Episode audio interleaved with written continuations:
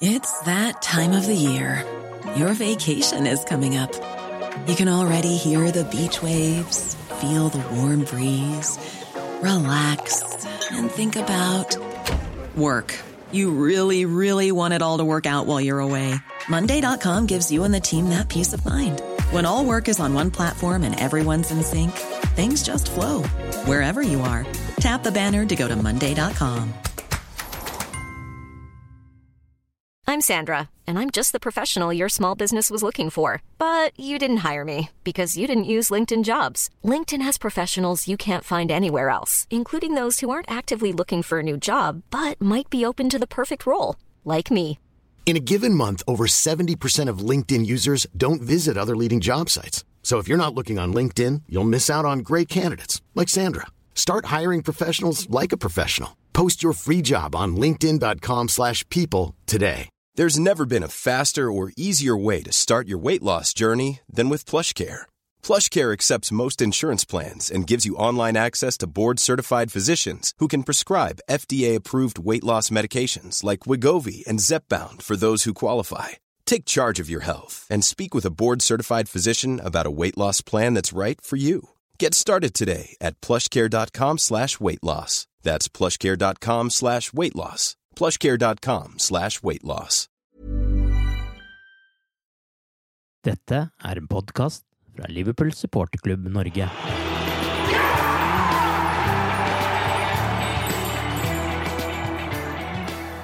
Det er landskapspause, og i den anledning blir dette en spesialutgave av The Cop-Out-podkasten. Selv om eksamen først begynner når troppen er samlet igjen til et knalltøft kampprogram, har vi bestemt oss for å dele ut karakterboka for sesongens fire første kamper. Arve Vassbotn heter jeg, og med meg til å vurdere spillerne så langt er journalist Einar Kvande og ansvarlig redaktør Torbjørn Flatin. Oppskriften for denne sendingen er enkel. Vi skal dele ut en karakter fra én til ti på hver eneste spiller så langt. Men før vi begynner med det, så leder det meg inn på et tema som alltid blir mye diskutert, og det er spillebørs etter kamper. Det er naturlig nok rundt 42 000 meninger om eh, akkurat det, og spesielt går det på hvorfor spillere så sjelden får karakterene 1 til 3. Og Torbjørn, kan ikke du forklare litt rundt karaktersettingen og hvordan du tenker rundt skalaen her? Jeg kan prøve det. Eh, Vi har prøvd å legge oss på noe som jeg vil kalle en engelsk børs, sånn som du gjerne ser i eh, engelske aviser og på engelske nettsteder. Og, eh, og for så vidt engelske magasiner. Og, eh, og der eh, er nok generelt eh, karaktergivinga høyere enn det du vil se i, i norske kamper. Og eh, sånn, eh, kan du si, en rimelig sånn bra kamp eh, gir du kanskje en sekser. Hvis du er nede på fire, så har du gjort en dårlig kamp, og, og, og, går du under fire, så er det nesten en sånn katastrofal kamp. Sånn, eh, sånn er opplegget. og eh, eh, Hvis du f.eks. ser Liverpool Echo, så vil de ofte ligge høyere enn oss, men eh, det er klart vi får en del tilbakemeldinger på at det er noen som syns vi ligger vel høyt, eh, men det er der som vi har valgt å ligge oss. og- Men som sagt, generelt så er vi da et, et godt hakk opp fra det du nok ser mye på, på norske eh, børser rundt omkring. Eh, Hva skal på en måte til for at man eh, havner ned på tre eller to, eller én, for den saks skyld? Da, da må du ha gjort noe som på en måte har vært eh, nærmest direkte innflytelse på en kamp. Altså når eh, Dejan Lovren eksempel eh, blir bytta ut etter en eh, halvtime mot Tottenham borte, etter å ha vært sterkt medvirkende i to baklengsmål. Eh, da ligger du eh, an, an til å, å komme helt ned på eh, under fire. Eh, men eh, som sagt, du må, du må nesten ha en sånn helt spesielt dårlig kamp skal du komme noe under der, altså. Sånn som Loris Karius, da han fikk to Ja, etter Champions ja. Ja, det er et typisk eksempel, ikke sant. Altså, der, der må du bare strekke skalaen enda mer. Er det noen poenger Torbjørn ikke har med her som kan være greit å nevne? Han har jo vært inne på det meste, da, men eh, det er klart at hvis laget spiller bra som enhet, eh, helhet, og får et godt resultat mot en eh, antatt sterk motstander, så vil jo karakterene bli høyere enn hvis laget ikke fungerer som enhet. Hvordan er det i forhold til unge spillere? Altså, har dere noe Hvordan eh, ser dere på det? Altså, det? Vurderes de likt med de etablerte, eller har de en eh, litt sånn Litt sånn som norsk film kanskje får høyere karakter enn utenlandske? altså, hvordan legger dere opp det? Jeg skjønner tankegangen. Vi prøver å være ærlig.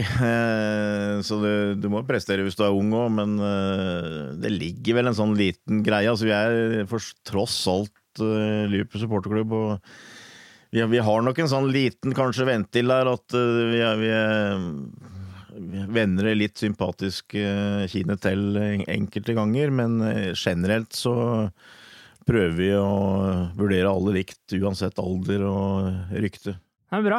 Så er det selvsagt viktig å understreke at spillebørsen er svært individuell også, og blir satt opp av enkeltmennesker. Så det er ikke alltid man er enig i den. Ehm, derfor kan det godt være at vi som sitter her eh, nå også har ulike meninger, og meninger som unnviker fra det som er satt av børskarakterer eh, tidligere, selv om vi nå skal prøve å samle det sammen som et helhetsuttrykk eh, fra sesongstarten. Og hadde ikke fotball skapt debatt og engasjement, så hadde det selvsagt ikke vært like morsomt heller, og kanskje ikke vært så nødvendig med spillebørsen heller, kanskje. Eh, siden jeg og Torbjørn allerede har pratet oss gode og varme, og du bare har vært så kort innpå her, Einar, så skal du få lov av æren av å starte poengsettingen. Eh, og jeg tror rett og slett vi starter eh, bakerst på banen med Alison Becker. Hva gir du han som karakter etter de første kampene? Det er jo befriende å ha en god keeper igjen. Jeg vil nesten påstå vi har ikke hatt det siden Reina. Men det er klart at den eh, blunderen han gjorde sist, da, den, det er jo ripelakken. ripe. Det er ikke til å komme bort fra. Um, men uh, han virka veldig trygg, og for meg så ser det ut som Forsvaret stoler på han. og jeg syns han har hatt en veldig god start. Eh, nå spørs det jo litt hva vi skal legge lista, men jeg har lyst til å gi den en åtter. Ja, jeg har også åtte på min blokk. Eh, og de deler for så vidt alt det Einar sier. Altså, han eh, viser trygghet og er en helt klar en viktig faktor i det at vi har eh, hatt en åpning hvor det er egentlig Forsvaret som har eh, satt mest preg på Liverpool, syns jeg. Det er det som har løfta seg mest, i hvert fall. og som sagt, bortsett fra den ene, ene tabba, så har vi ikke sluppet inn mål. Og eh, i flere av kampene så har vi ikke vært i nærheten nesten å slippe inn heller. Så det, det er absolutt en, en, en, viktig faktor av oss, og jeg deler det synet der. Bare for å si det, jeg har også satt en åtter på han. Eh, og har valgt å overse feilen fra sist eh, nærmest mest som en sånn opplæringsfeil, som vi da kanskje slipper i litt mer avgjørende kamper etter hvert. Men uh, jeg syns også han har veldig mye matchavgjørende redninger underveis uh, i de første kampene her, som uh, jeg på en måte ikke har sett så mye av fra Karius og Mignolet de siste sesongene, føler jeg. Ja, spesielt de to siste kampene. Både Brighton og Leicester så har det vært situasjoner hvor Litt sånn klassisk gammel Liverpool-keeper, nærmest, hvor du ligger og har kontroll i I hvert fall mot Brighton, da ganske lenge, og så plutselig kommer en situasjon hvor han må i aksjon, og da, da gjør han den redninga han skal gjøre. Så um, det er også veldig positivt. Det, det som var litt uh, for, Bare for å være så vidt innpå den tabba, da, så det, det, som var litt overraskende, var at han gjorde den tabba eh, i den situasjonen som han gjorde, syns jeg. fordi at eh, eksempel mot Brighton, hadde den vippen, så følte jeg at han hadde tross alt god kontroll. Han var i fart, han var framover. Mens han derimot står nærmest med ryggen til nede ved dørlinja, og så begynner å skal ta en sånn Cruyff-finte. Det, det, var en litt merkelig vurdering, så, som du sier. Det er Ufattelig, ufattelig feilvalg, da. Ja, det var det. det. Jeg skjønner jeg ikke helt kan tenke der, altså, for det er jo bare å blåse den ballen der oppe på tribunen. Det er jo egentlig det eneste utvei. Ja, altså Jeg håper de har hatt en skikkelig prat på kammerset. At eh, det er jeg, jeg, jeg, tror, jeg, tror, ikke Alison kommer til å forandre seg helt. Og eh, litt sånn eh, grobelar-tendenser tror jeg fortsatt vi kommer til å se. Men eh, det er liksom tid og sted for ting. Og det, jeg vil forvente at Klopp og staben har tatt den på kammerset og gått gjennom den situasjonen der, for det var, som Einar sier, det var absolutt et sted og tid, en situasjon hvor du ikke skulle begynne å drible. Så det overraska meg egentlig litt. Altså, jeg tror vi, vi alle skjønte vel at det, en eller annen gang så ville det komme ei tabbe i forbindelse med, det, med at han liker å ha ballen i beina, men at han skulle komme så tidlig og på den måten, det, det var nok litt overraskende, egentlig. Men som, når det først ble gjort, da, så var det for så vidt et bra, bra tidspunkt hvor vi likevel vinner kampen. Så hvis vi bare kan glemme det, og han kan lære av det, så så er alle glade. Ja, litt spesielt også at det kom på en måte på en uke hvor det faktisk var såpass mye snakk om den skipen han hadde i kampen før, og at dette kom til å lede til en tabbe, og så kommer det liksom på bestilling, nærmest, etter at han selv har vært ute og snakka om at han ikke tar unødvendig risiko osv. Så videre. så, men som skjer. Jeg tror nok kritikken mot den har blitt atskillig større hvis, de, hvis vi har tatt poeng, altså. Uh, poengtap i den kampen der, da hadde det blitt krigstype engelsk også, det tror jeg. Men uansett, vi er oppe i 24 poeng på Alison så langt. Det får si er en god, god start. Det leder oss over til høyrebekken og Trent Alexander Arnold, eh, som også har spilt alle fire kampene så langt. Eh, hva sier du om han? Torbjørn, du kan jo begynne her. Ja, altså eh, Nå sitter jeg jo med en følelse at vi kommer til å Eller jeg, da, i hvert fall kommer til å ende litt der som vi av og til får kritikk for, at vi bruker skalaen litt lite og sånt. Men altså, vi har hatt en sesongstart her hvor vi har vunnet fire kamper. Vi ligger på toppen av tabellen.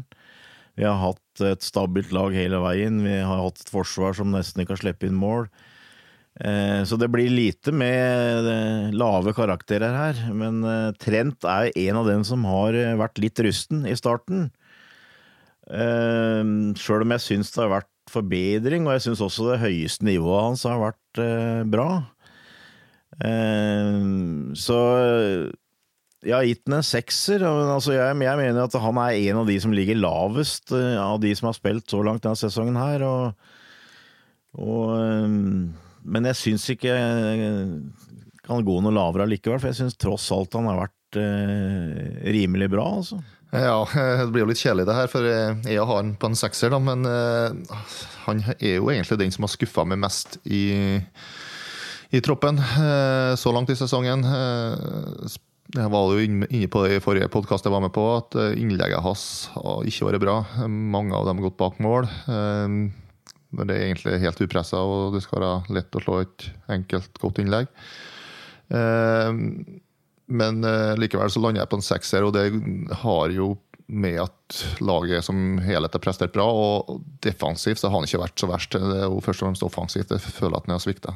Ja, jeg føler Jeg gjør det ikke noe mindre kjedelig, for jeg har også satt den på en sekser. Så, og det er jo de samme argumentene som dere har her. Så 18 til sammen på Trent da, til nå. Så har den bare mulighet til å spille seg opp. Og det skal jo sies at på spillebørsen sånn i snitt til nå, så har den 6,5. Så vi ligger jo ganske likt med den også, egentlig. Så er det en annen uh, unggutt uh, i midtforsvaret som heter Joe Gomez, som uh, kanskje overraskende nok har fått fire kamper på starten av sesongen som midtstopper, og hoppa litt ut på høyrekanten på slutten av kampene for, få, for at Matic skulle få litt uh, spilletid også. hva tenker du om han så langt?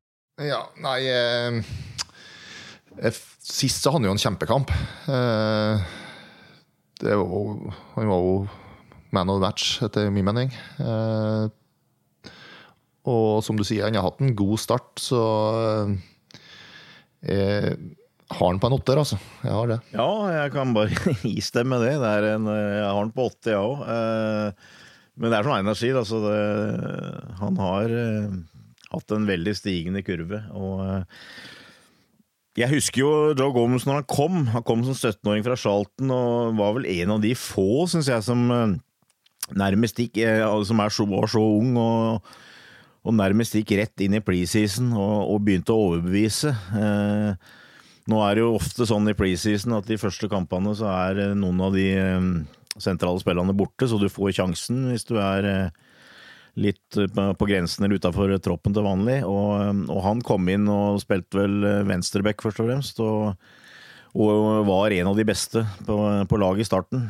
Og det var store forhåpninger, og han var vel stort sett på laget til Rogers ved begynnelsen av 2015-16-sesongen. Eh, og så kom det korsbåndskaden som eh, satte den tilbake, og det har tatt tid.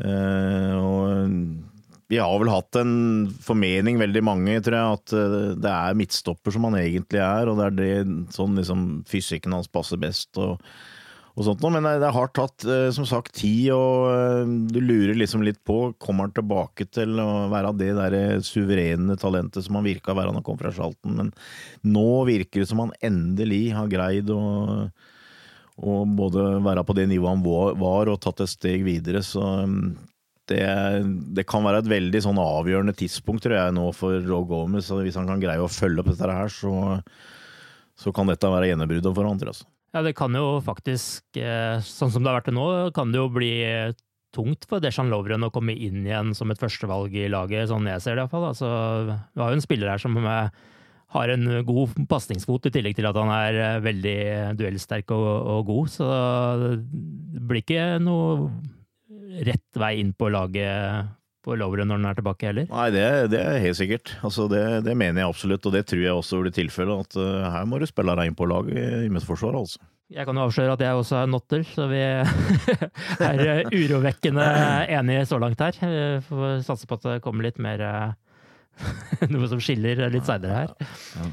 Ja, nei, jeg, jeg tror er litt å si at han, eh, at han eh, får spille i sin favorittposisjon. Da. og at han får tillit der. At han føler at han har sjefens tillit i den posisjonen den alltid har uttalt at han vil spille. Da. At han vil ende opp som stopper. Det har han jo sagt hele tida mens han spilte back. Så jeg tror kanskje at at han spiller, ja, spiller, på seg sjøltillit i den posisjonen. og Da tror jeg vi har en god midtstopper for ti år framover. Jeg tror også det er et poeng at vi har eh, Virgil van Dijk i midten der. Altså jeg tror han har en positiv innflytelse for de fleste baki der, og ikke minst en, en 21-årig eh, midtstopper, eh, kollega. Mm. Jeg tror det har hatt en veldig positiv innvirkning for Joe Gomez, og at vi har han store nederlenderen der. Og hva gir du denne store nederlenderen som karakter eh, så langt, da? Jeg har eh, gitt han også åtte. Uh, og uh, det går litt på at han Jeg føler at han har vist at han er sjefen der, og, og har vært solid hele tida. men jeg, jeg syns kanskje ikke liksom Han har vært helt hva skal jeg si, feilfri hele tida. Altså, det har vært litt sånn smårusk, syns jeg, men uh, totalt sett så er pakka veldig god, og uh, ja, hva skal jeg si, altså Jeg syns eksempel litt sånn typisk nå siste kamp mot Leicester, hvor jeg syns han uh, Vel ikke altså sin aller beste kamp, egentlig. Jeg syns Gomez var hakket bedre mot Leicester, men når du da får et frispark på overtid, eh, og du sitter liksom med en følelse av å, nå kan det komme en utlegning, ikke sant. Hvem er det da som liksom eh, reiser seg og rager over alle i, midtforsvaret der og får ballen vekk? Det er Virgil van Dijk, og det er han sånn type han er, og det er sånn type vi har trengt. Så eh, han har gjort jobben så langt, eh, sjøl om jeg tror faktisk han har enda litt mer å gå på. Ja, jeg har valgt å bruke skalaen litt mer her for å skille litt, så jeg har en nier på den. Eh, jeg syns den har vært veldig solid i alle kampene, egentlig. Jeg er enig i at Gomez var hakket bedre mot, eh, mot Leicester, men eh, jeg føler liksom at det er han som har samla forsvarsrekka vår. og ja, For meg så fremstår han som den naturlige kaptein, og det vil jo forundre meg om han ikke blir vår kaptein i løpet av Liverpool-karrieren. Nå er jo Henderson det per i dag, og han skrev jo ny langtidskontrakt, så det er kanskje litt sånn kinkig tema der. Men jeg, eh, jeg føler kanskje at vi skulle ha bytta kaptein. Jeg har også gått på åtte for uh, van Dijk. Uh, en av de tingene som jeg syns han har gjort så veldig bra nå, er jo den, akkurat det med å ta vare på Gomez og de der kampene hvor man har sett at van Dijk har gått ut og dekka det som egentlig skal være Gomez eh, mann eh, i et par kamper hvor det, han har møtt veldig sterke hodespillere for å på en måte ta støyten sjøl. Det virker som de har et veldig sånn, godt samarbeid sånn sett, at man liksom bytter litt roller ut ifra hvem man møter. og Eh, at man egentlig får det beste ut av, av begge to. At han, eh, han, er jo virkelig ikke redd for å ta drittjobben sjøl, van Dijk, og elsker vel egentlig den delen av det. og når du har han og alle sånn, så begge er sånn kommanderende type bak, så, så ser det jo mye, straks mye bedre ut uh, defensivt. Ja, absolutt. Helt klart. Jeg stemmer det. Så er det over til Andy Robertson, da, eh, som eh, jo hadde en traurig start på fjorårssesongen. Fikk bare ett et, et og annet innhopp og var ikke så veldig fornøyd med situasjonen før han eh, plutselig fikk muligheten når Moreno ble skada. Hvordan syns dere han har starta denne sesongen? Han har absolutt hatt en god start. To målgivende på fire kamper. Han gir en del poeng på Fantasy League, han altså. Så jeg har han på en åtter. Jeg syns han har vært uh, veldig god, og nå blir han jo landslagskaptein for Skottland. og Han kommer helt sikkert til å gjøre en god jobb der òg. Ja, Andy Robertsen er jo liksom en av gladhistoriene si, det siste, siste året. Eh, han eh, blir jo bare bedre og bedre, syns jeg. Og eh, det er liksom et initiativ og en innsats eh, som jeg tror også eh, sprer seg på tribunen. Altså, jeg, jeg, tror uh, fansen er veldig glade for å ha, ha en spiller som liksom så uh, utstråler en sånn energi. Og du ser liksom det at han er han trives med å spille i Liverpool. Altså, han har hatt en sånn litt sånn trang vei til toppen, kan du si. Og så får han muligheten i Liverpool, og så, og så greier han å komme igjennom, får sjansen. Altså, det er litt sånn Joey Jones. Eh, for de som er såpass gamle at de husker han. Ehm, så det er veldig moro å si. Og det det er eh, Det inspirerer når du ser en sånn type som eh, er så villig hele tida. Så jeg har også åtte på han. Jeg syns han har vært god, og egentlig også en sånn litt positiv utvikling. Nå veit jeg ikke åssen det er med vi, vi skal, om vi skal summere opp noe her, altså, men altså, du, du, ser litt sånn derre Tendens, syns jeg også, at de som ikke var med i VM, dem, flere av dem har hatt en god start. Og Andy er en av dem. Uh, Van Dijk var ikke med, Gomez var ikke med. Uh, så, og det, det syns jeg egentlig nesten er litt sånn gjennom uh, hele laget, at Flere av de som ligger høyt, dem eh, har hatt en litt roligere sommer. Og det, det tror jeg Andy Robertsen også har uh, eh, utnytta godt. Du kan jo ta med Milner i den rekka der. Ja, ja, jeg sa det var flere. Det er flere, Einar. Altså, det, ja. Du kan nesten ja. uh, Nesten uten uttak, altså uh, ja, jeg kommer tilbake til, det, holdt jeg på å si, men altså, i hvert fall de som var lenge med i VM, føler at det har vært påvirka av det. altså. Uh, jeg også ender jo på åtte på Trent. Uh, nei, sorry, det gjør jeg jo ikke, men på, på Robertson. Men uh, det jeg skulle si er at i motsetning til Trent, så syns jeg på en måte innleggene hans sitter på en helt annen måte, og han har jo tatt nye steg der i forhold til fjorårssesongen også, syns jeg, hvor, hvor det kanskje var mer sånn at han kom til mange innlegg, men de kanskje ikke var like gode. Uh, Iallfall ikke i, i, starten, men nå sitter de jo som bare det. Så, og det som Einar sier, to assist så langt, uh, bærer jo preg av det. Det han er fenomenalt god på, er jo å slå de lave innleggene i den farlige sonen mellom uh, forsvaret og, og keeper. Uh, akkurat riktig sted, egentlig. Og det, det er jo der han får assist.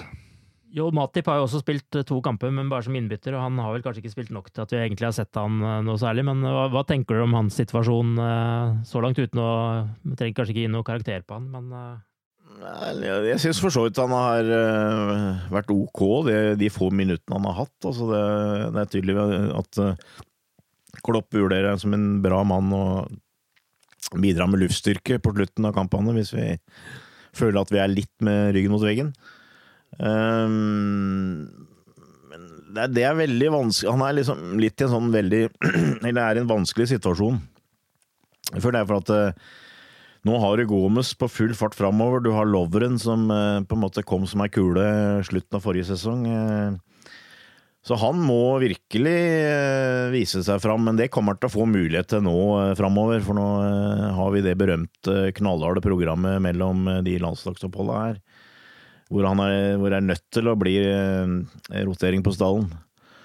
Så eh, han vil nok få mulighet, men eh, han er litt sånn på defensiven, føler jeg. Og eh, det er opp til han nå å, vise at han eh, han eh, er god nok til å, å være i en startelver, som jeg er helt sikker eh, på at Klopp i utgangspunktet hadde tenkt den gangen han kom. Så det, det er opp til Joel. Har du noe å tillegge der, Einar? Det er veldig vanskelig å vurdere en spiller som har fått så lite spilletid. Eh, nå har han ikke gjort noe feil, men han har heller ikke markert seg. Så eh, en grei mann å ha i bakhånd. Han var jo veldig god før han fikk de skadene, så eh, han vil ikke nå få sjanser i, i hardkjøret, som Torbjørn nevner her. Så da blir det enklere å sette en karakter. Jeg føler at vi er ikke der i dag. Eh, Bare for å tillegge det, det, det som kanskje er fint med å ha han på benken, og det at Joe Gomez spiller på banen, er jo akkurat den, det alternativet vi har sett noen ganger nå, at eh, Gomez kan gå ut på høyre bekken og sikre den når eh, kampene går inn i de siste minuttene og man trenger å ro i land en, en seier. Og så har du en ny midtstopper som kommer inn, som også dekker den delen bra. Altså du har jo litt mer å spille på der da. Ja, absolutt. Helt klart. Eh, Jeg tror kanskje Klopp kasta han innpå fordi at han eh, frykta dødballer i sluttminuttet og ville ha mer luftstyrke bak. da. Eh, Så jeg tror han har tenkt litt på høyde i forsvaret. Og få flere mann. Men, men det er klart, det, det er et poeng. At du, du føler at hvis du har Gomes på høyrebekken, så, så spiller du egentlig med tre stopper her. Eh, litt tilbake i tid, så eh, Jamie Carragher begynte jo på høyrebekken med eh, Rafa Benitez. Og, i tillegg hadde Hench og Hyppie, så Og det, jeg vil tro at det kanskje Klopp har det litt i tankene på enkelte kamper. Hvor du forventer at det blir et luftskyss og det blir mye fysikk.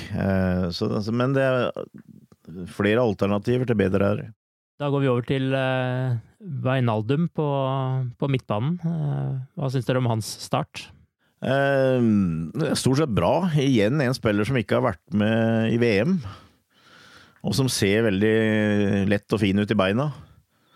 Uh, tror han er en av de som har løpt mest uh, i innledninga her.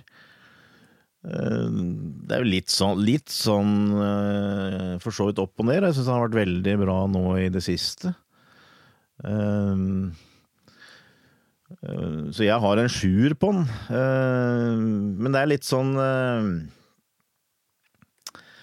Jeg veit ikke det er, jo, det er en sånn type spiller som du liksom av og til ikke ser så mye, men som allikevel gjør en nyttig jobb. Og som sånn sett ikke bestandig er den letteste å vurdere. Ehm, og som kanskje eh, av og til blir vurdert eh, for lavt, tror jeg. Men ehm, yes, han, han gjør liksom eh, jobb, grovjobben bra. Han har, jo ofte, vel i siste, også hatt ankejobbene eh, i de siste kampene. Eh, men det, det er liksom litt sånn, sånn Hvis du ser på totalen, så har det eksempel siste kamp så var det Vinaldum, Milner og Henderson. Eh, og det er liksom sånn som det litt har vært før. Altså det blir for meg litt traurig. Eh, og eh, jeg følte at det var et av problemene mot Leicester også. At vi, vi, vi greide ikke å få kontroll på midtbanen. Vi, vi mangla én som liksom kunne rive opp, ta tak i det, holde på ballen, utfordre osv. Det blei den derre vanlige, disiplinerte jobbinga. Eh, og vi savna liksom en sånn liten sjef der, syns jeg. og det, blir, det er kanskje litt eh, drøyt å, å klandre Genie for det, da, fordi han hadde eh, den mest defensive jobben nå. Men altså, noen ganger så syns jeg kanskje at han eh, blir liksom den derre eh, leiesoldaten som eh, gjør alle jobbene, men som du kanskje ser litt for lite i sånne litt avgjørende situasjoner. At han melder seg litt for lite på foran mål til motstanderen osv. Men eh, det er liksom en spiller sånn Føler jeg litt på det jevne etter hvert, og som etter hvert kommer til å kjempe om eh, en indreløperposisjon, tror jeg. Så, men, men åpningen har vært eh, bra, og ikke minst så syns jeg han er en av dem som har gitt inntrykk av at han fysisk er i veldig bra form. Hva har du satt på Veinaldum, Einar?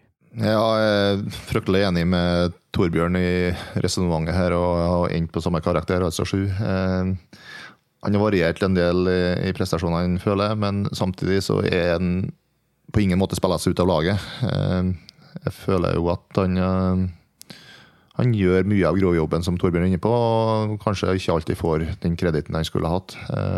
Så jeg er stort sett enig i alt Torbjørn har sagt. Jeg har jo da faktisk satt han opp på åtte, så det blir litt dissens her. Men det tror jeg egentlig handler veldig mye om uh, egentlig den solide rollen han gjør uh, som anker, som jeg på en måte alltid blir litt overraska over at han gjør såpass bra, i, i, og med at han egentlig ble så, kjøpt til klubben som et mer sånn offensivt midtbanealternativ. Eh, men jeg, men jeg syns kanskje han lider litt under det dere for så vidt har vært innom, det med at han på en måte ikke har funnet sin posisjon ordentlig i klubben. At han blir litt sånn eh, brukt der det er behov for han. Um, litt potet? Ja, eh, ikke sant. Og, men jeg synes han, den, i den grad han er potet, så syns jeg han gjør det veldig godt som et anker. Og på mange måter syns jeg egentlig han uh, skaper mer ro rundt seg enn det Henderson gjør når han kommer inn på Nå er jo kanskje selvsagt han prega litt av at han ikke har spilt så mye kamper også, men jeg syns han ikke setter måte midtstopperne og de andre rundt seg så ofte i vansker som det jeg syns Henderson noen gang gjør med å, at han får ballen og veldig raskt uh, sender en støttepasning. At han på en måte er mer fremovervendt enn det Henderson er. Derfor har jeg endt på åtte, fordi jeg, jeg syns han på en måte har uh, levert veldig bra i starten. Men jeg er usikker på om han klarer å holde, holde seg på det gjennom neste periode her, da. Skal gå over på James Milner, da. Det er jo en spiller som har absolutt har overraska veldig positivt. Jeg tror ikke det var mange som trodde at han skulle komme tilbake som en sentral eh, midtbanespiller for et lag som toppa Premier League. Altså. Det eh, overraska meg veldig positivt. Innsatsen er jo upåklagelig. Eh, har òg eh, en par assist, har han ikke det? Tror jeg. To jo, assist. Ja. Ett et mål og to assist. Mål ja. vel på straffe. Ja. Sikker på straffe, selvfølgelig. Eh, jeg har gitt den en åtter. Jeg føler virkelig han fortjener det. Eh, går foran Han har vært kaptein en del og gått foran som et godt eksempel der. Så absolutt godkjent. Ja, altså Jeg var har ligget liksom mellom sju og åtte her, og jeg datt ned på en sjuer, men sitter jo med en følelse at jeg kanskje er litt streng, egentlig. Men um, Så jeg vet ikke om jeg har noe veldig god grunn for det. Jeg syns kanskje bare at uh, de som jeg har på åtte, har vært kanskje hakket bedre, da. Men uh, det Boring James Milner, det som ligger der. ja, ikke sant. Ja. Men altså, James har jo vært en av de bedre på midtbanen i hver kamp. så han har vært Eh, veldig bra, veldig positiv. Eh, så jeg er veldig sånn eh, Igjen så er det en som ikke var med i VM, og som er i kjempeform fysisk, men det er jo James Miller, da. Eh, men jeg sitter også med en følelse at eh, nå, nå, har det vært en sånn åpning hvor eh, du har spilt en kamp, og så har du hatt ei uke til neste hele tida. Og, og, det passer James Milner veldig bra, tror jeg, fordi når du kommer med det programmet hvor du spiller to kamper i uka hele tida. Eh, og det gjelder ikke bare James Miller, det, for så vidt, men altså da Jeg sitter med en sånn følelse av at han har kommet til et eh, tidspunkt nå i karrieren hvor han har veldig bra ei og annen pause, og det tror jeg hjalp ham f.eks. For forrige sesong, hvor han var uthvilt mot slutten og virkelig fikk vise seg fram.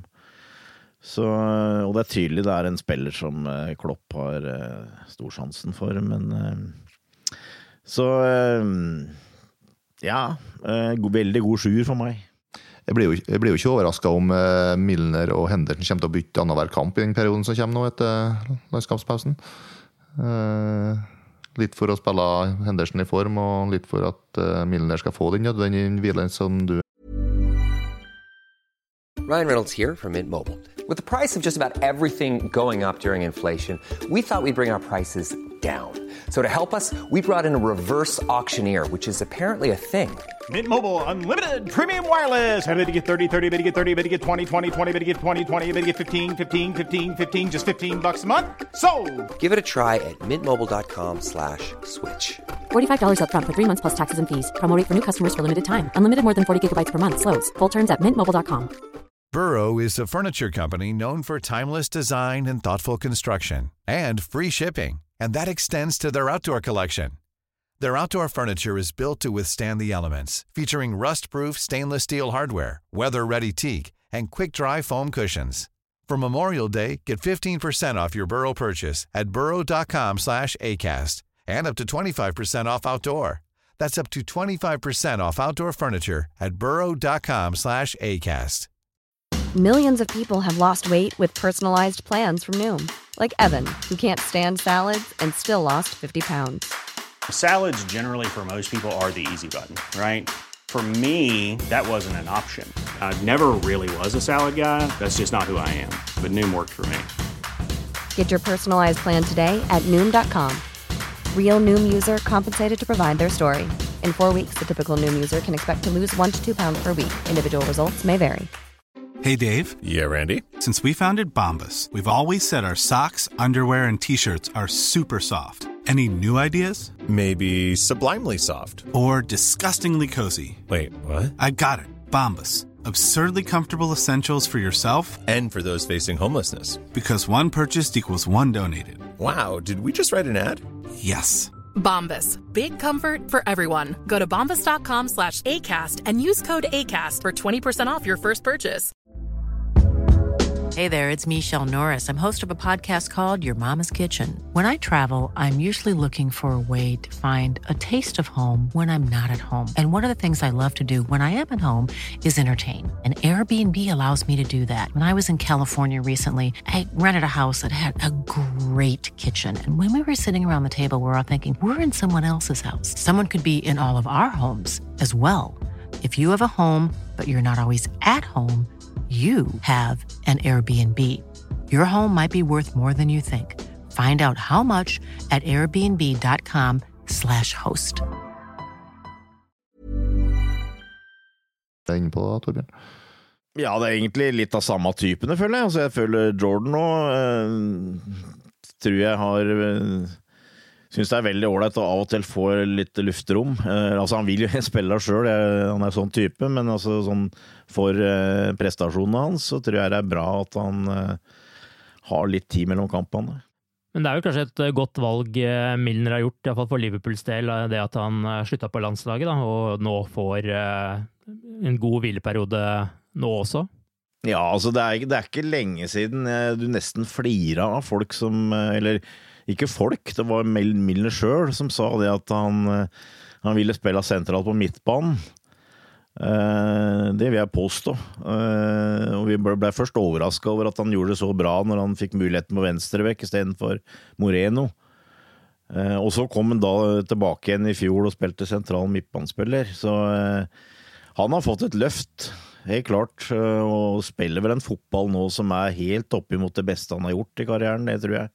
Og jeg hadde et intervju med John Keith, som er en seniorjournalist på Merceside når det gjelder Liverpool, blant annet, og han sa det at de hadde hatt en diskusjon nylig om at det er noen midtbanespillere i England som er bedre enn James Milner for øyeblikket.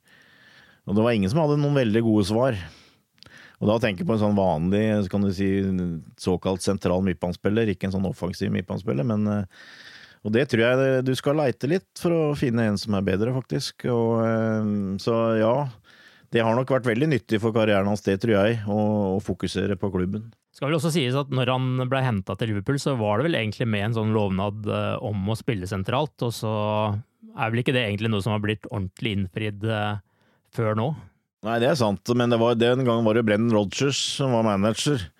Og det er klart, det var kan ha vært en av årsakene til at vi fikk lokka han, for han kom på Båsmann. Ikke sant? Men at uh, hos oss får du spille uh, sentralt på midtbanen. Uh, eller på midtbanen, og det gjorde han vel delvis, men han blei vel ofte flytta litt ut på kanten, så vidt jeg husker. som han jo i utgangspunktet var når han var ung og spilte i Leeds, så var han i høyreving.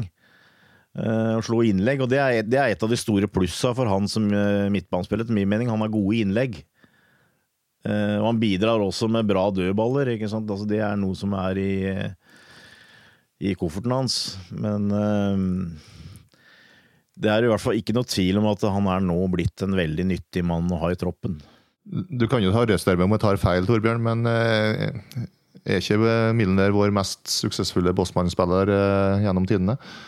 100 kamper nå i ligaen? Jo, det kan være. Det er klart, eh, Du tenker liksom sånn umiddelbart på Gary McAllis, men han hadde liksom bare én sesong, så det blir eh, James har jo hatt mange, så sånn sett så overgår han sikkert. Klart McAllister, eh, McAllister vant jo en del ja. trofeer, da, så sånn sett så kan jo argumenteres for ham. Men ja, absolutt, det tror jeg, det tror jeg nok. Altså, det har vært veldig blanda med de Bosman-spillerne vi har henta. Jeg har for så vidt også endt på åtte her. og det, det, handler kanskje litt om det med at uh, med den uh, skjerpa konkurransen som jeg har fått på midtbanen, så, jeg liksom, så trodde jeg at han skulle ryke først, nærmest. Og så har han bare overlevert så innmari til nå. Så jeg er nok litt sånn på en positiv bølge på akkurat det. Sjøl om jeg sto og vippa mellom sju og åtte, jeg òg, så endte jeg på åtte. For uh, den maskininnsatsen han legger ned hver kamp, er veldig imponerende, syns jeg. Eh, en mann som har kommet inn, er jo Nabi Keita. Eh, han har eh, spilt tre kamper fra start og én som innbytter til nå. Hva tenker dere om han? Jeg kan jo begynne her. Jeg er jo veldig overraska at Klopp setter han på benken mot Leicester. Jeg var nærmest sjokkert. Og jeg føler jo i ettertid at det nesten var et feilvalg. Keita har imponert meg skikkelig med driv og ballgjenvinning, gode pasninger. Så eh, han er en av to jeg har på ni, da. Ja. sammen med van Dijk. Så eh, mer enn godkjent på Keita, og eh, at Henderson fikk spille i stedet for Keita mot Leicester, det, det syns jeg var merkelig. Tilbjørn? Ja, jeg har åtte på den. og jeg syns for så vidt, etter min mening, så fortjener han ikke med, kanskje. Jeg synes det han har vært, vært glimt var veldig god. Eh, og jeg har enorme forventninger til Nabi Keita. Eh, jeg fulgte ham en del forrige sesong etter jeg visste han kom til Liverpool. og han har eh, et enormt toppnivå, sånn som jeg ser det. Men jeg syns han har vært litt ujevn. og det var, det var vel Brighton, kanskje, hvor han hadde lå litt eh, lavere på nivå, hvor han ble Klopp bytta ut også. Eh, så, så jeg syns åtte er det han fortjener, etter min mening. Men altså, jeg er for så vidt enig med Einar at det var Jeg tror det var feil å sette han ut mot Leicester. Fordi han er en annerledes type. Og han, han, han gir bedre balanse på midtbanen, for han er en som kan drive forbi spillere. Han er en som kan være både opp og nede. Han kan eh, gå på raid med ballen. Altså, han er fantastisk med, med å, å, drible i fart. Eh, så eh, Nabi Keita kommer til å bli en nøkkelspiller her, og, og en del av, av liksom den foretrukne startoppstillingen eh, etter hvert. Men jeg, jeg, føler fortsatt at han for, tross alt eh, finner seg litt til rette ennå etter min mening. Jeg tror, jeg, jeg tror, han har enda mer å gå på når han, når han lærer sine medspillere mer å kjenne, f.eks. de tre framme. Eh, men ikke sant, altså Det var en snakk, del snakk om at han Nabil Fikir ikke kom, og sånt, men altså det virker som Klopp kanskje tenker på at nei, vi kan bruke Nabi i den rolla der. og og sånn tror jeg det blir, egentlig. I mitt hue så blir det Keita antagelig som den mest offensive, og så har du de arbeidskameratene som vi nettopp har prata om, Milner, Henderson, eh, Vinaldum, som kan komme til å kjempe om én eh, sånn eh, indreløperrolle til, som den litt mer disiplinerte, sjøl om de helt sikkert får lov til å spille litt alle sammen. Og så tror jeg vel at Fabinho etter hvert kommer inn og tar den ankerrolla, men han han bruker tydeligvis enda litt mer tid på å finne seg til rette i engelsk fotball. Ja, jeg har jo faktisk da gått på sjueren på Keita, ja. og det handler jo egentlig om mye av det du sier, at jeg føler ikke han på en måte har funnet seg helt til rette ennå, og fortsatt er ganske variabel i prestasjonene. Altså, han er jo fra det fantastiske til uh, litt mer anonym, og derfor så uh, I motsetning til Milner, da, som jeg føler har overlevert, så har kanskje Keita ikke helt innfridd forventningene i hver eneste kamp ennå, og derfor er jeg endt på sjuer. Men jeg ser jo potensialet at det her kommer til å bli en veldig veldig god spiller utover sesongen, som uh, jeg tror bare kommer til å bli bedre og bedre for hver kamp han får. Uh, Jordan Henderson har vi vært litt innom, men uh, både han og Adam Lalana kan vi jo kanskje ta en kjapp oppsummering på. Lalana har jo nok en gang blitt skada på landslagsopphold med England, men hva tenker dere om de to så langt? Og, Lalana har vi jo bare sett i én kamp, men Lalana er jo fryktelig skadeutsatt. da. Begynner å frykte litt at Liverpool-karrieren hans vil bli prega av skader, at den er på hell. altså. Ett innhopp fra benk så langt. Eh, det er jo ikke mye å vurdere, egentlig. Eh, det er enklere med Henderson, som i alle fall fikk start mot Leicester. Eh, jeg syns ikke han gjorde noe særlig bra der. Så jeg landa på en sekser på Henderson. Varieres pasningskvalitet, klarte ikke å sette preg på midtbanen. Klarte ikke å gå i krigen, følte jeg. Så eh, Tre innhopp fra benk, den har gjort det ok, men eh, totalt sett så føler jeg at uh, Wijnaldum og Milner fortjener plassen på midtbanen foran Henderson nå. Ja, øh, det er for så vidt øh, litt enig med Einar at det er litt grunn til bekymring når det gjelder Lallana, syns jeg.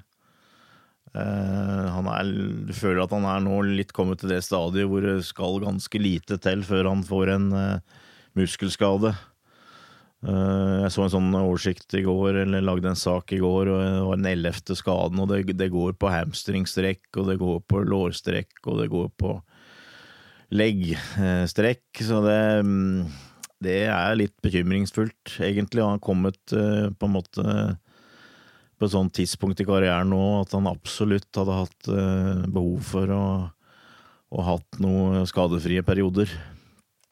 Så det mm, ja, Det begynner å bli litt sånn Sturridge-opplegg, føler jeg. Ja, ja, det gjør det. jeg syns han, han, var eh, faktisk eh, Han virka ganske pigg, syns jeg, helt i begynnelsen av preseason, men så så blei det liksom borte. Eh, så jeg veit ikke hvorfor, egentlig, om det var det når det begynte liksom hardtreninga, at han sleit litt med å liksom få det ut, og at han var tung i kroppen. Han er jo absolutt ikke en sånn type som er tung i kroppen. Han er en som antagelig er veldig lettrent, men eh, jeg, jeg syns ikke han eh, markerte seg under preseason heller. Og han var absolutt en spiller som hadde behov for å markere seg i preseason etter å ha liksom kommet litt på banen helt på slutten av forrige sesong. Så uh, du sitter og undrer litt på det, altså. Eh, nå håper jeg tar feil, men jeg tror han kan få det tungt.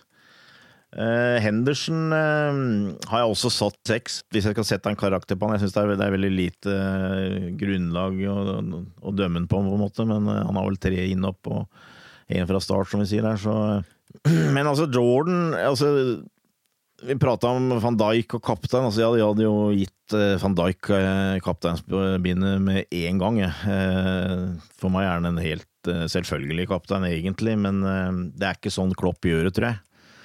Samtidig så tror jeg Jordan Henderson har en veldig høy posisjon i, i klubben og i spillergruppa. Som person, og som lederskikkelse sånn sett. Eh, men eh, jeg tror han kanskje blir tynga litt der på banen, fordi han tar, eh, tar, på seg mye ansvar. Og jeg tror han hadde egentlig hatt behov for å bare kunne konsentrere seg om å være midtbanespilleren Jordan Henderson.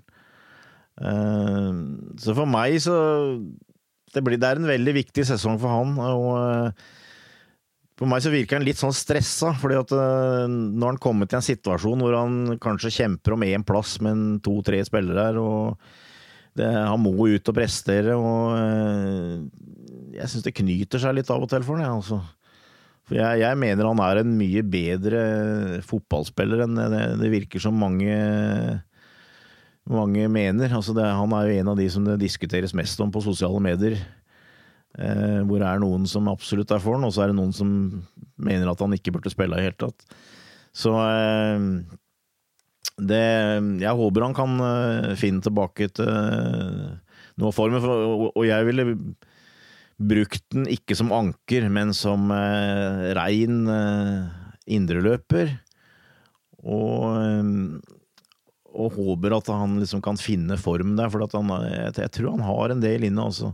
Jeg syns for så vidt han gjorde det brukbart i VM, for eksempel, så det, det kan være en bra spiller der, men eh, jeg er for så vidt enig med Einar. Akkurat per i dag så er han nok etter eh, Milner og Vinaldum i køen. Jeg har også sett på seks der, eh, ut fra det lille vi har sett. og jeg er veldig enig med deg at jeg ville helst sett han mer som en slags boks-til-boks-spiller enn, der han spiller som anker. For jeg tror, føler på en måte han har mer å bidra med, med der. Men vi får se da hvordan han blir brukt etter hvert. Da kan vi gå over i angrepsrekka her og begynne med Mohammed Salah. To mål, én assist så langt. Uh, Torbjørn, hva tenker du? Uh, det er mye snakk om at uh, Salah ikke er der han var, eller sånn jeg oppfatter det i hvert fall. det er vel riktig, for så vidt. Jeg, jeg, tror han er litt påvirka av alt det styret med Egypt og det greiene. Og så virker det i tillegg som Kanskje er litt påvirka forrige sesong for meg, for at uh, nå får du liksom en sånn Sala som uh, Virker som han er, er mer opptatt av at det er han som skal skåre måla. Ja, jeg, jeg, kan ikke huske å ha sett han liksom så fortvila hver gang han har brent en sjanse som han har gjort nå i sesonginnledninga. Men, men sånn som han har sett ut nå, egentlig, er litt sånn som jeg oppfatta han før han kom til Liverpool. Eh, hvor han kom til masse sjanser, men som brente eh, ganske mange av dem. Eh, men tross alt så syns jeg han har spilt rimelig bra. Altså, han kommer fortsatt til veldig mange sjanser. Han er veldig sentral i Liverpools angrepsspill. Han ble matchvinner mot Brighton.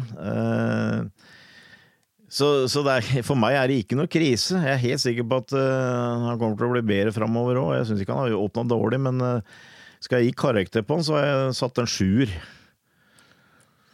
Uh, men, men, for all del, altså Mo er en av de som eh, som helt sikkert blir bedre framover, tror jeg. igjen ganske enig med, med Torbjørn. men det er jo litt herlig da, å ha en spiller som helt klart tydelig ikke er form ennå, som har gjort to mål på fire kamper og i tillegg en assist.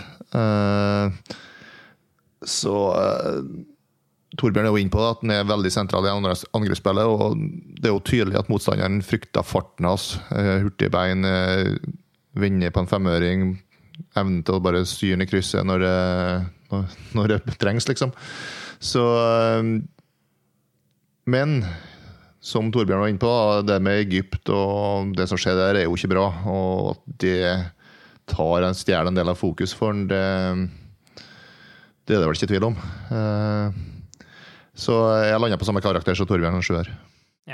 Det gjør jeg også. Eh, og det handler jo også litt om eh, de enorme forventningene som han har på seg nå, som han kanskje mangla i fjor, hvor han hadde en helt annen rolle, hvor det nærmest var en bonus at han skårte noen mål. Mens nå er han jo nærmest sånn main man for å sette målene for oss. Eh, men, men jeg sjekka faktisk her i stad, og, og, på de fire første Premier League-kampene sist sesong, så hadde han også bare to mål. Og så hadde han da riktignok én skåring mot Hoffenheim også i Champions League-kvalifiseringen, så han, eh, han, ligger ikke så gærent an, for å si det sånn. Men han virker jo hakket mer skåringskåt eh, denne sesongen også, og, dertil mer fortvila når det ikke helt går hans vei. Men det, vi får satse på at eh, det blir mye smil og glede fra den kanten utover denne sesongen også. Sadio Mané, da? Hva tenker dere der? Han er jo den av den trioen på topp som har vist best form, syns jeg. De kom jo ikke så langt i VM, Senegal, så det kan jo ha litt sammenheng med det, selvfølgelig. Fire mål på fire kamper, det er jo mer enn godkjent, absolutt. Det skjer kanskje en litt ny Sadio, der jeg tar bedre vare på sjansene enn han har gjort tidligere eh, sesonger. Jeg føler, jo egentlig som, som i fjor, da, at han må ta mange sjanser for å score og sløse bort en del sånn 100 %-sjanser. Det har vi ikke sett så langt, og jeg håper han fortsetter sånn som han har gjort så langt, med, med et mål per kamp. Da har vi mye å se fram til. Eh, jeg har gitt den en åtter.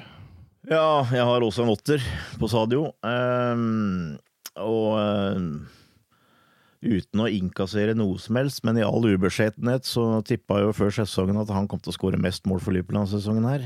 Det har vi på teip òg, Så du, Det har, jeg på, teip- det har jeg på teip, og han har ennå ikke tatt noen straffer. Nei. Så eh, det er ikke noe sjokk for meg at han eh, bidrar. Eh, Så Han har jo hatt eh, spilt bra nesten hele tida etter han kom til Liverpool, bortsett kanskje fra en periode, blant annet forrige sesong, etter han fikk den uh, utvisninga i Manchester mot City. Så eh, Sadio er en eh, bra spiller, men jeg tror det er en sånn type spiller som eh, ikke minst liker seg hvis laget som helhet funker. Eh, han på en måte liksom er en brikke som kan gjøre litt hva han vil, og det blir skapt mye sjanser, og han kan liksom opp, eh, oppsøke de eh, stedene hvor det er mulig å gjøre litt ugagn og litt sånt, når han er litt sånn eh, eh, lite A4 i forhold til å være en Liverpool-spiller, føler jeg. En som, som er litt annerledes. Um, og jeg, ja, jeg liker han veldig godt. Um, men um, det er jo veldig bra da, at vi, at vi har en som, av de tre framme som er i, i tilnærma eh, I hvert fall nesten toppform. Så eh, det er vel ikke, Jeg vet ikke om jeg har så veldig mye å, å tillegge, egentlig, men altså, han, er, han er en trussel, og han har vært en trussel så langt denne sesongen, her, og det, det er positivt. Jeg har også endt på åtte på han, og, og litt sånn som forrige sesong òg, var jo han egentlig en sånn redningsmann i starten når Coutinho var ute, og var jo ekstremt god også i starten av fjorårssesongen. Da endte han på ti mål, nå har han fire mål eh, til nå. Eh, altså han endte på ti mål i Premier League, da, og ti Champions League i tillegg, men eh, det er jo en veldig god start, og uten tvil den beste angriperen til nå, sånn jeg ser det. Eh, og så syns jeg også han gjør mye bra defensive løp eh, når han trenger det. Han er på en måte ikke noe luksusspiller eh, sånn sett. Ja, det er han ikke, og øh, jeg vil faktisk hevde at han er overraskende bra på huet. Legg merke til det. Altså han, I sånne helt vanlige dueller ute på banen, han, han vinner overraskende mange baller i lufta, sånn som jeg ser i hvert fall. Og han øh, Ja, nå er han et aktivum, uten tvil. Så er det over på Roberto Firmino, som jo hadde en kjempesesong i, i fjor. Eh, Einar, hva lander du på der så langt? Der har du i alle fall en mann som ikke er luksusspiller. Mm. eh, Vi vet nesten ikke noen som jobber mer gjerdig på i ei angrepsrekke i hele Premier League. Eh, Men samtidig litt det samme som eh, med Sala. Eh, Ikke helt i toppform. Kanskje prega av VM i Brasil. Fikk jo endelig skåringa si, da, eh, mot Leicester. Som vi etterlyste i forrige podkast, var det ikke? Ja. Eh, to assists. Det er jo kanskje det vi forventa fra den kanten. Han er jo blitt tilretteleggeren vår på mange vis. Eh, Mann som fôra både Mané og, og Sala med de gode pasningene som åpna opp forsvaret. Eh, Landa på samme som Sala, på en sjuer. Ja, jeg har seks på den. Eh, Jeg syns det er godt eh, til. Altså, kanskje tar du Roberto Firmino litt for gitt eh, på en del ting. Da. og Selvfølgelig eh, Han legger ned mange kilometer. Eh, Men jeg syns det har gått litt sånn på krabbegir foreløpig. Eh, Virker den som kanskje er litt eh, sliten, syns jeg, etter eh, sommeren. Eh, og har eh, og har hatt minst overskudd, sånn som jeg ser det. Det var bra, han fikk en scoring nå. Men, men der føler jeg det er ganske mye å gå på, altså. Og, ja Får håpe nå at han kan kanskje ha en bra kamp for Brasil, få litt inspirasjon. For jeg, jeg, jeg syns ikke det har Jeg gnistra, egentlig. Altså, han, eh, han jobber for all del, men altså, han, eh, han har ikke kommet til så mange sjanser heller. Uh, Leicester var jo litt forandring da uh, uh, han satte inn en, og eh, han hadde vel en stor sjanse før der, og så, så eh, men, eh, men han er en som jeg som jeg venter på. Du nevnte inspirasjon for, for Brasil. Der. Eh, Du er ikke litt bekymra i forhold til reisebelastning og seint hjem rett før eh, Tottenham på Wembley, eh, både med Alison og Fabinho og Firmino? For så vidt, men det er jo Fir Firminio som kommer til å li mest av det, Ja, antageligvis. Nei, det er klart, det er ikke, det er ikke topp, det. Eh, det. Det er det ikke, men jeg tror bare at eh, Samtidig så er Roberto en sånn type som han, eh, han løper uansett, altså. Jeg tror, jeg, tror ikke, jeg tror ikke det er problemet, altså, men jeg, jeg bare føler at han har hatt veldig godt av en, en positiv opplevelse til. Og fått litt mer liksom gnist i seg, for jeg tror det er det som mangler. Men um, for all del, altså det der landslagsoppholdet er jo Det er litt sånn der mareritt, egentlig. Altså det er bare å krysse fingra og håpe at de kommer rimelig helskinna gjennom her. Og, men det er, jo, det er jo ikke bra at uh, du har en så, kamp, såpass sein kamp som den Brasil har. Uh, men uh, jeg, er ikke, jeg er ikke noe redd for Alison, det det tror jeg går bra. Men det, det er de to utespillerne i tilfelle. Men eh, du har Fabinho der òg, ikke sant. Altså, han har vi ikke prata noe om, men altså, jeg føler han er den som har eh, slitt litt med å ta det intense tempoet i engelsk fotball. Eh, det går litt for fort for han. Eh, jeg er helt overbevist om at han kommer til å greie å, å ta det etter hvert. Men det er litt det som er problemet, for jeg, jeg, jeg savner fortsatt litt en sånn spiller. Altså, nå er det lite jeg savna i starten, og vi har vunnet fire kamper, og for all del, men eh, han er litt den typen som eh, tar det litt som en sånn personlig fornærmelse eh, at det er noen som passerer han, og det har vi bruk for. Det tror jeg. Jeg syns det er litt vanskelig å si at du han ikke har tatt nivå eller tempo i engelsk fotball, alt med at du ikke har sett den i Premier League-sammenheng, kun i, i preseason-kamper. Jeg er ikke helt med på den, altså.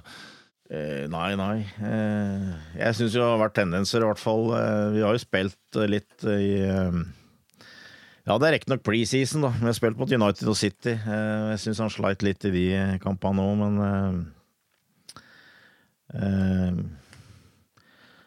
Ja, det, det er i hvert fall det Jeg syns syns bare det blir litt urettferdig å bedømme en ut fra en preseason-kamp når du ikke har, ikke har fått sjansen i Premier League ennå. ikke- men, men, hvor- men hvorfor spiller han ikke, da? Ja, nei, det er jo Det er jo selvfølgelig et eh, godt argument, det, men eh, Det, det, er min opp, det er min oppfattelse av det, at det er det som er problemet. At det går litt fortere enn han er vant til, egentlig. Og litt sånn rufsete i, eh, i pasningsspillet, men det kan godt hende det er andre grunner òg. Det er klart Klopp har en spesiell måte å spille på. Du må på en måte sette deg inn i det. Altså, Andy Robertson for eksempel er et, eh, et eksempel på det, hvor han venta lenge, veldig lenge med å sette han inn, eh, før han følte at han liksom var klar for det. Men eh, Ja, eh, Oxlade Chamberlain er jo litt i samme gata. Jeg håper liksom Fabinho skal følge i fotsporet til de to der, og, og komme sterkt utover sesongen. Tilbake til Firmino, så setter jeg en sjuer på han, og det handler mye om arbeidsinnsats, egentlig, og så håper han kommer i bedre form etter det. Eh, Daniel Sturridge og Shakiri har vi jo ikke sett så mye til. Eh, har du noen ord om de også nå, avslutningsvis, før vi eh, runder av? Ja, altså jeg, jeg gleder meg til å se denne uh, Shaddan Shakiri. Altså. Jeg må si Han er en liten favoritt hos meg. Uh, det er full innsats. Uh, det var når du så han kom inn mot Leicester òg. Mangla ikke på tenning der. Nei, han er full, det er full pakke. full kruttpakke. Og, eh, men også Det er for så vidt bra. Det er jo bra å ha noe å se fram til òg, da. Eh, og, og jeg, han, han kommer helt sikkert til å få spille han nå i det berømte perioden nå mellom de landslagsoppholdene, hvor vi har den ene storkampen etter den andre. Så eh, det blir veldig fascinerende å se. Men men det er klart at vi har de tre framme der, og dem, eh, dem er ikke så lette å flette på. Og eh, jeg tror vel ikke Klopp eh, Det har vel liksom ikke Det har heller ikke vært noen kamper som vi måtte jage. Altså, det har heller vært kamper hvor vi har liksom måttet sikre inn her. Jeg vet ikke Nå begynner denne hukommelsen min å bli rimelig dårlig, men altså, det er vel ingen kamper hvor vi har, har måttet være veldig tålmodig og score mot slutten her. Altså, har vi ikke stort sett uh, Palace var vel kanskje en kamp du måtte vente litt, men uh, Nei, så der, der tror jeg det er mye, mye å gå på. Og jeg, jeg tror det er et veldig bra kjøp, og vi kommer til å få ny, mye nytte av Sherdan. Men jeg, jeg tror som sagt at han kommer til å først og fremst være vikar for en av de tre framme. Eh, Sturridge er jo kanskje Han har vært blitt uh, Han har vært tre innhopp, men han kommer innpå ofte veldig seint. Altså det, det er òg litt sånn at du, du har i bakhånd her, altså.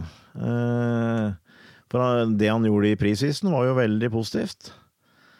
Så jeg er nesten litt overraska et par ganger at han ikke har kommet innpå litt før, men det jeg, jeg tar egentlig alt med Danny Større som en bonus.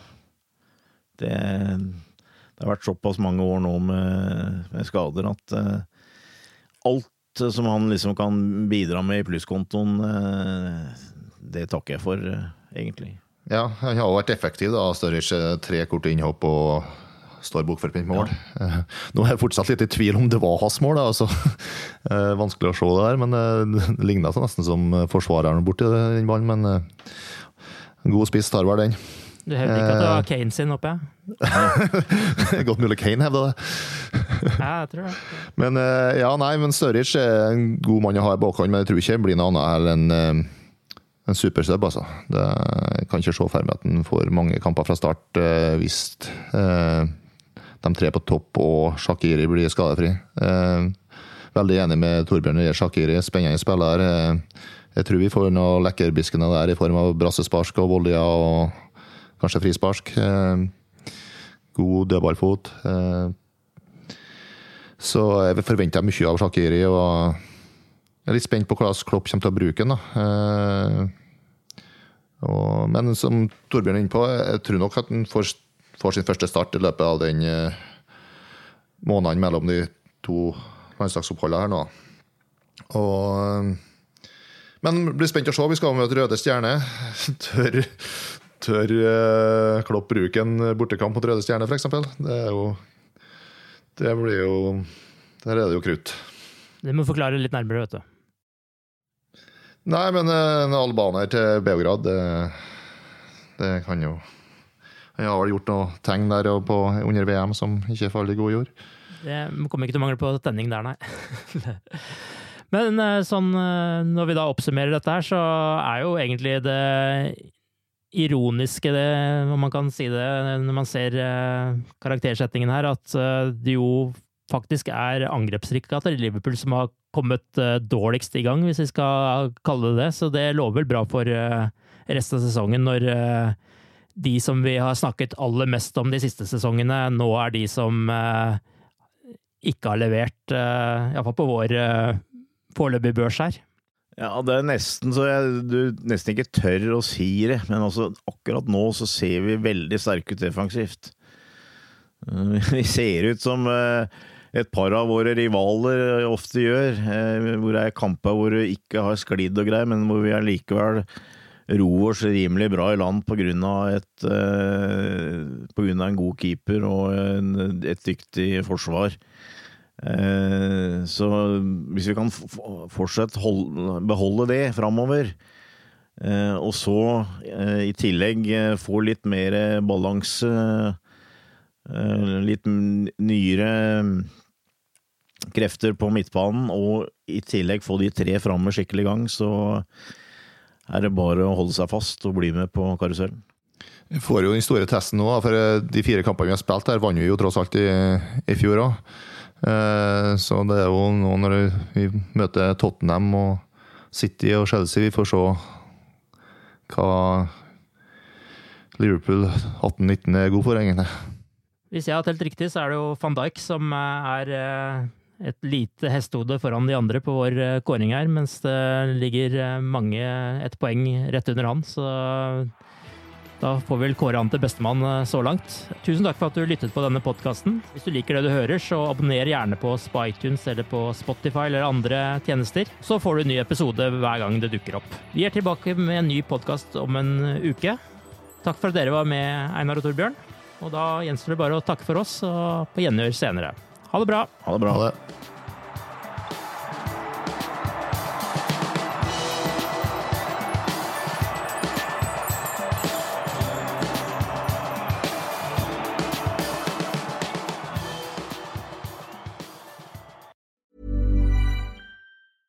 Want flexibility? Take yoga. Want flexibility with your health insurance? Check out United Healthcare Insurance Plans. Underwritten by Golden Rule Insurance Company, they offer flexible, budget friendly medical, dental, and vision coverage that may be right for you. More at uh1.com. Even on a budget, quality is non-negotiable. That's why Quince is the place to score high-end essentials at 50 to 80% less than similar brands. Get your hands on buttery soft cashmere sweaters from just 60 bucks, Italian leather jackets, and so much more. And the best part about Quince, they exclusively partner with factories committed to safe, ethical, and responsible manufacturing. Elevate your style without the elevated price tag with Quince. Go to quince.com slash upgrade for free shipping and 365-day returns.